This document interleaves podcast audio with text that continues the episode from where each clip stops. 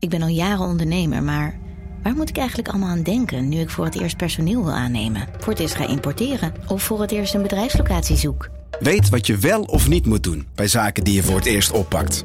Check kvk.nl voor praktische stappenplannen. KVK, hou vast voor ondernemers. Vanaf de redactie van NRC het verhaal van vandaag. Mijn naam is Thomas Rup.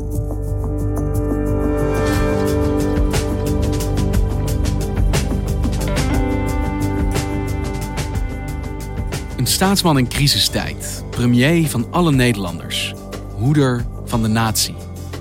De lof voor het optreden van Mark Rutte in de coronacrisis komt van alle kanten, zelfs van buiten zijn eigen achterban. Gegarandeerd succes dus, volgende verkiezingen? Nee. Juist voor Rutte lijkt deze crisis een levensgevaarlijke mix te worden.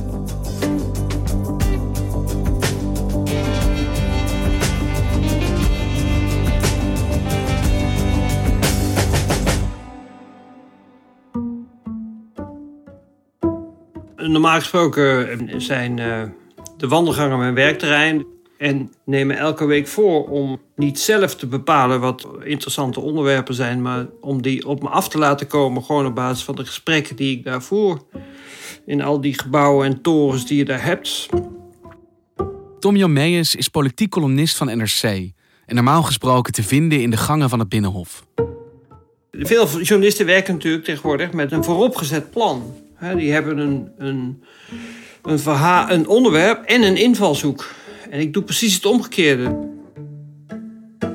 Dus ik loop daar rond, ik hoor mensen aan, noteer dat en bepaal aan het eind van de week hoe je dat aan elkaar kunt verbinden. Zo werk ik ongeveer. Dus jij bent normaal gesproken het liefst te vinden met een leeg politiek vlindernet op jacht naar verhalen in de gangen van het Binnenhof. Maar hoe doe je dat dan nu? Het, het wandelgangenwerk is volmaakt zinloos, omdat uh, op de dagen dat, ik normaal gesproken daar ben, uh, buiten de vergaderingen om waar iedereen al is, dus daar hoef ik niet te zijn, uh, is er nu niemand en dan heeft het ook geen enkele zin om daar rond te lopen. In, in het begin was ik eigenwijs, heb ik al een paar keer geprobeerd om er toch heen te gaan en ik dacht, nou, ik, ik vind mijn weg wel. Maar echt, toen kon je een kanon afschieten. En het is nu iets drukker, denk ik maar ja, de, spontane ontmoeting en gewoon een beetje praten met mensen, dat is vrijwel onmogelijk nog steeds.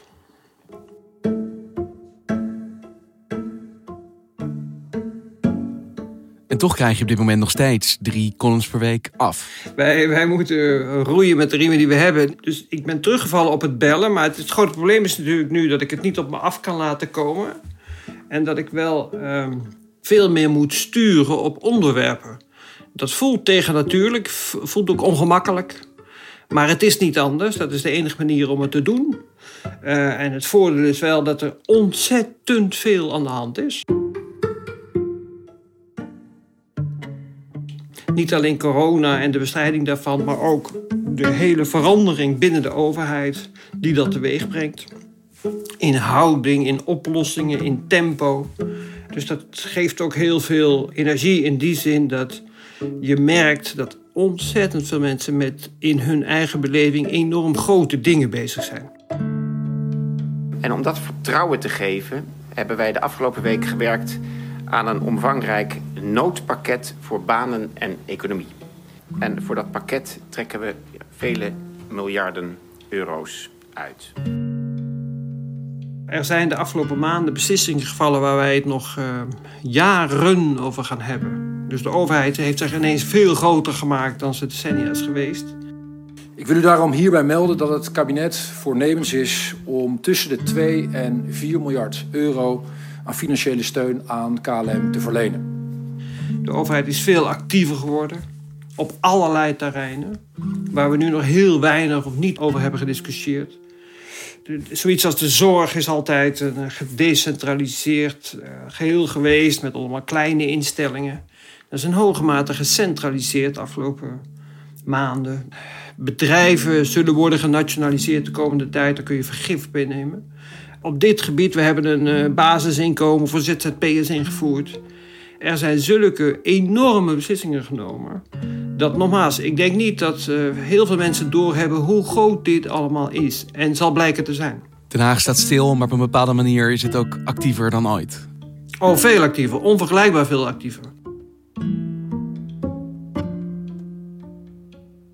Ja, mensen zien het dan dus niet wat er allemaal gebeurt in Den Haag. Maar we zien eigenlijk natuurlijk vooral het gezicht van Mark Rutte.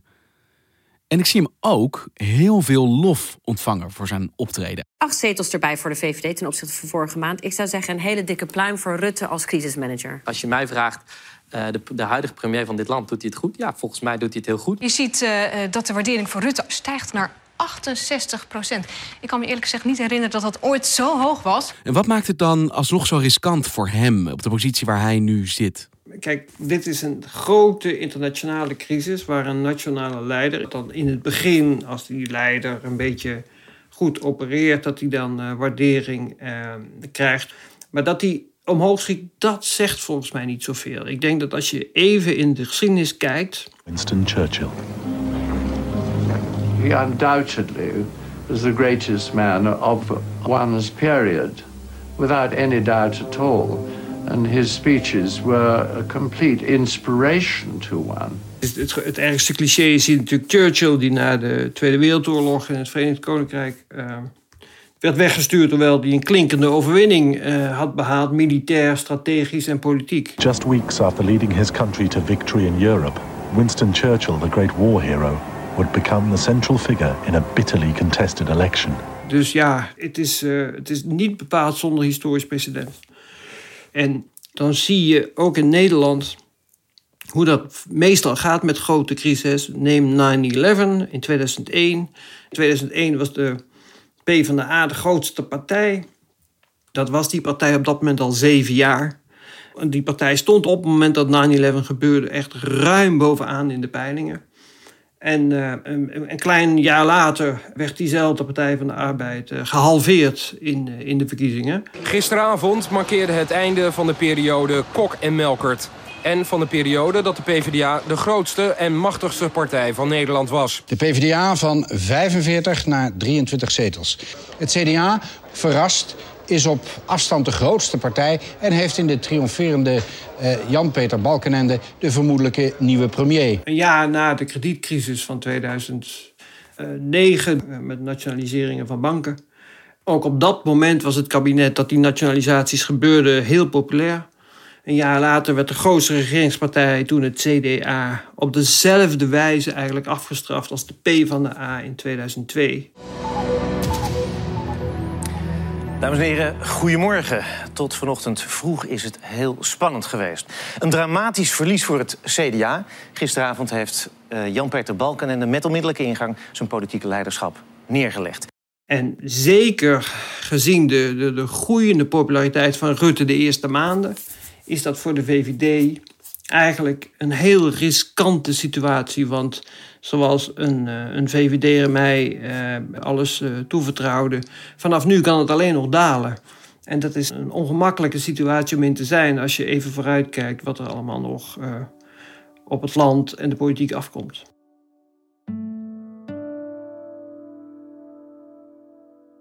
Maar wat maakt deze positie waar hij nu op zit in deze crisis dan voor hem zo riskant? Kijk, Rutte heeft zichzelf gepositioneerd als de centrale figuur in deze uh, crisisbestrijding. Uh, dat, dat had ook logica. Hij is de meest ervaren minister. Uh, hij is degene die zichzelf uh, heel nadrukkelijk in beeld heeft gespeeld als, als de man die, die dit aanpakt. En dat betekent ook dat, je hem, dat je hem later zult kunnen bevragen op of het allemaal goed is gegaan. Ja, dus dat hij zo de centrale man is, dat betekent dat hij de lof automatisch misschien ook krijgt en die opstrijkt, maar ook elke vorm van kritiek die er achteraf komt, ook eigenlijk op zijn konto geschreven wordt. Ja, precies. En in hoeverre klinkt die kritiek op Rutte nu al op dit moment? Nou ja, kijk, er zijn uh, Kamerleden zo alert, kun je zeggen, of zo geslepen, kun je ook zeggen, die, uh, die al heel vroeg begin februari kritische vragen zijn gaan stellen over de toen relatief nonchalante houding die het kabinet innam. Ja, ik uh, vroeg me af of er draagvlak is in dit huis voor een spoeddebat over het virus dat vanuit China ook onze kant op dreigt te komen. We moeten nu al iets doen. Je ziet het, uh, het nieuws, overal grijpt ons geen. Frankrijk neemt nu ook maatregelen. Nederland nog niet. De Kamer moet aan de bel trekken. En als jij het gezicht van de crisisbestrijding bent geworden... dan zou het best eens kunnen, zo kunnen zijn dat uh, de man Rutte... die nu als, als uh, geslaagd leider wordt gezien... ineens in een heel ander perspectief wordt gepercipieerd. En wat zijn dan de gevolgen daarvan voor Rutte? Kijk, in de maand februari is, is relatief weinig gebeurd. Hij heeft toen gekozen om af te gaan op de adviezen van de medische experts. Dat vond iedereen op dat moment over zijn logische keuze, want uh, politici zijn geen virologen. Maar ja, die experts die hebben natuurlijk ook wel dingen gezegd waar je achteraf vragen bij kunt hebben. Dus dan zal de terechte vraag kunnen zijn: heb je destijds wel voldoende breed rondgevraagd, ook onder andere experts, of dit moest gebeuren? De discussie over of dat een verstandige keuze was, ik vermoed dat die zal terugkeren. Wat de deskundigen ons nu vertellen, is dat we in afwachting van een vaccin of medicijn de verspreiding van het virus kunnen afremmen en tegelijkertijd gecontroleerd groepsimmuniteit op kunnen bouwen. En je hebt natuurlijk de bekende speech vanuit het torentje gehad, waarin hij heeft gesproken van groepsimmuniteit. En dat hele concept is daarna natuurlijk verdwenen. Maar je kunt heel legitiem de vraag stellen hoe dat nou zat. Heeft Nederland in die beginperiode wel op basis van dat concept beleid gemaakt? Waar is het concept gebleven? Werkt het eigenlijk? Daar, kun je best veel uh, vragen over hebben. En nou ja, in combinatie met een relatief nonchalant optreden in de beginperiode, in combinatie met de berichten die nu komen uit de verpleeghuizen en de wens om vroegtijdig te testen, terwijl dat werd afgewezen door het RIVM, het is een bericht uit Trouw van afgelopen weekend. Ja, als dat soort dingen meer komt, dan zal nadat Rutte zich heeft gepresenteerd als de centrale figuur in deze crisis natuurlijk ook al die kritiek op hem en vooral op hem afstralen. Want hij is natuurlijk aan de ene kant politicus, maar de complimenten die hij wel veel gekregen heeft hier, is dat hij eigenlijk boven partijen leek te beslissen. Is dat iets wat voordelig voor hem blijkt te zijn? Of kan ook dat riskant zijn voor een politicus in zo'n tijd? Nou, kijk, vooral zijn eh, voorlaatste persconferentie, toen hij eigenlijk aan alle bedrijven zei: ja, jullie moeten nog even wachten. Dat zei hij niet, maar daar kwam het wel op neer. En bedrijven, mevrouw de voorzitter, hebben nu het signaal gekregen dat de terrassen open kunnen. Bedrijven gaan er nu van uit dat dat, als er geen gekke dingen gebeuren, dat dat ook gaat gebeuren. En dat zou een enorme, enorme, enorme teleurstelling zijn als u daar nu op terug gaat komen. Daarna heb je wel gezien ook binnenskamers in Den Haag, eh, dat dat tot vrij veel uh, ongemak in zijn eigen achterban leidde. Kijk, de VVD is wel echt de, de partij van de, de MKB-ondernemer. En dat midden- en kleinbedrijf heeft natuurlijk in een aantal sectoren enorm veel moeite om overeind te blijven. En als je steeds zegt als premier, ja, ik, eh, ik ben wel terughoudend, voorzichtig. Voor het openstellen van die bedrijven weer. Ja, dan zeg je eigenlijk als Rutte zijnde, als VVD-leider, tegen je eigen achterban: jullie staan even niet op de eerste plaats. Dat zijn ze niet gewend. En dat is voor hem natuurlijk inderdaad ook riskant.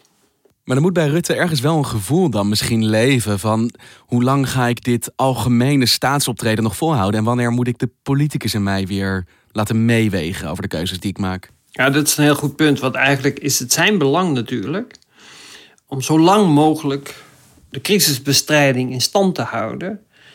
Omdat dat ook betekent dat die mensen die de crisis en de crisisbestrijding politiek willen maken, die houdt hij zo kort. Maar je kunt er vergif op innemen dat het na september, eh, dat het allemaal politiek zal zijn. Hij moet aan de ene kant eh, de, de beleidskeuzes en de relativerende opmerkingen uit de beginperiode verdedigen. Hij moet uh, onderbouwen waarom hij zoveel heeft geleund op medische experts die ook niet alles wisten. Hij moet tegelijkertijd het virus blijven bestrijden. En hij moet de recessie gaan bestrijden, wat vermoedelijk zijn hoofdtaak wordt. Nou, onder die omstandigheden moeten verantwoorden voor je eerdere keuzes is, uh, is inderdaad uh, een, een politiek levensgevaarlijke situatie. Had Rutte dit anders kunnen doen? Of is dit nou eenmaal eigenlijk ook bijna een onherroepelijk gevolg van zo'n grote landsbrede, nou, wereldwijde crisis? Ja, weet je, ik, ik geloof niet op dit moment dat je kunt onderbouwen dat sommige keuzes echt uh, onwaarschijnlijk dom of zoiets zijn geweest. Maar ik weet ook niet of dat veel uitmaakt. Ik denk eigenlijk dat in het debat uiteindelijk het effect van die keuzes centraal zal komen te staan.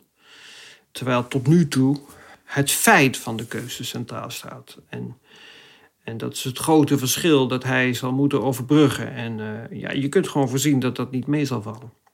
En is er nog een scenario denkbaar dat hij besluit... nou, misschien is het wel genoeg geweest na deze zomer. Ik ga niet voor nog een kabinet, nog een verkiezing. Ja, ik, dat vind ik wel een goede vraag. Uh, het, het, lijkt me heel onwaarschijnlijk, omdat uh, hij zelf het afgelopen jaar eigenlijk al uh, binnenskamers bij diverse collega's heeft aangegeven dat hij echt zin heeft om nog een, uh, nog een rondje te doen, zoals het wel wordt genoemd. Dus dat maakt het niet waarschijnlijk. En, en wat misschien nog belangrijker is, de VVD heeft geen, zijn partij heeft geen alternatief voorhanden. Um, en is er nog een manier voor hem om deze crisis wel volledig in zijn voordeel te gebruiken, zich te wapenen eigenlijk met wat hij de afgelopen maanden heeft bereikt? Nou, kijk, het is gewoon een vaardige politicus. Dat hebben we allemaal wel kunnen zien, denk ik. En hij is natuurlijk wel eerder in, in, in tamelijk uh, deplorabele politieke omstandigheden geweest. Ja, en ook dat heeft hij doorstaan. Dus ja, weet je, ik, ik, het zou mij op zichzelf gewoon op basis van de ervaringen niet verrassen als hij ook hier. Uh, op de een of andere manier uitkomt. Maar ik, ik zou het persoonlijk wel echt een mirakel vinden als hem dat lukt. Lijkt me niet waarschijnlijk. Want we zeggen altijd over de virusbestrijding. We kunnen eigenlijk pas zien hoe het nu gaat met een vertraging van drie weken. En dan zie je eigenlijk de gevolgen. Wanneer denk je dat het moment gaat aanbreken dat wij kunnen gaan zien of Rutte beschadigd of juist sterker uit deze tijd komt? Nou kijk, we weten allemaal dat na het virus de recessie komt. Die is in feite al begonnen. Die wordt nu opgevangen door de overheid met enorme uitgaven... waarvan je weet dat die uh, niet heel lang zullen kunnen worden gecontinueerd. Dan krijg je een heel ander politiek speelveld... waarbij het recente verleden cruciaal zal zijn. En in de zomer moeten alle partijen bepalen wie hun lijsttrekker uh, worden.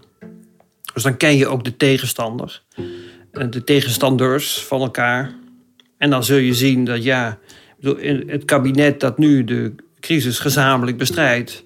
Het zou zomaar kunnen dat daar dan drie lijsttrekkers in zitten. Dus dan krijg je echt een totaal andere situatie. En dan wordt alles gepolitiseerd. En dan ook ontstaat het moment dat de, de voordelen die Rutte tot nu toe heeft gehad... Uh, heel goed uh, nadelen kunnen blijken te zijn.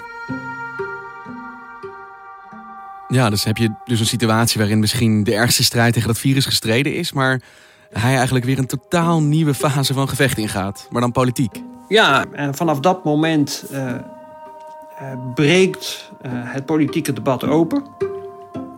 En dan moet Rutte stand zien te houden tegen een stortvloed van kritiek die hij vanaf dat moment kan, kan verwachten. Dus ik zou zeggen, rond Prinsjesdag. Dan heb je de, waarschijnlijk de beste indicator krijg je dan van hoe het uh, tussen het najaar en maart volgend jaar als de verkiezingen zijn ongeveer zal verlopen. Ja, laten we hopen dat jij tegen die tijd ook weer met jouw politieke vlindernet door de gangen kan wandelen. Het zou wel aantrekkelijk zijn, zeker.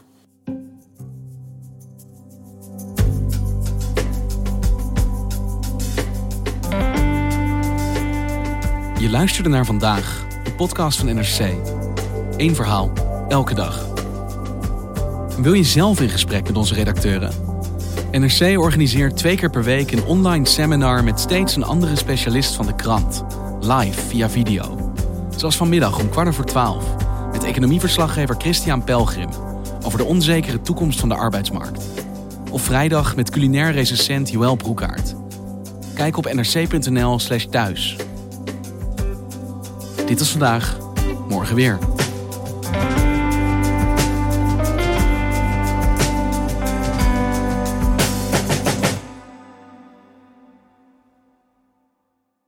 Technologie lijkt tegenwoordig het antwoord op iedere uitdaging. Bij PwC zien we dit anders. Als we de potentie van technologie willen benutten, kunnen we niet zonder een menselijk perspectief. Human-led, tech-powered noemen we dat. Ga naar pwc.nl.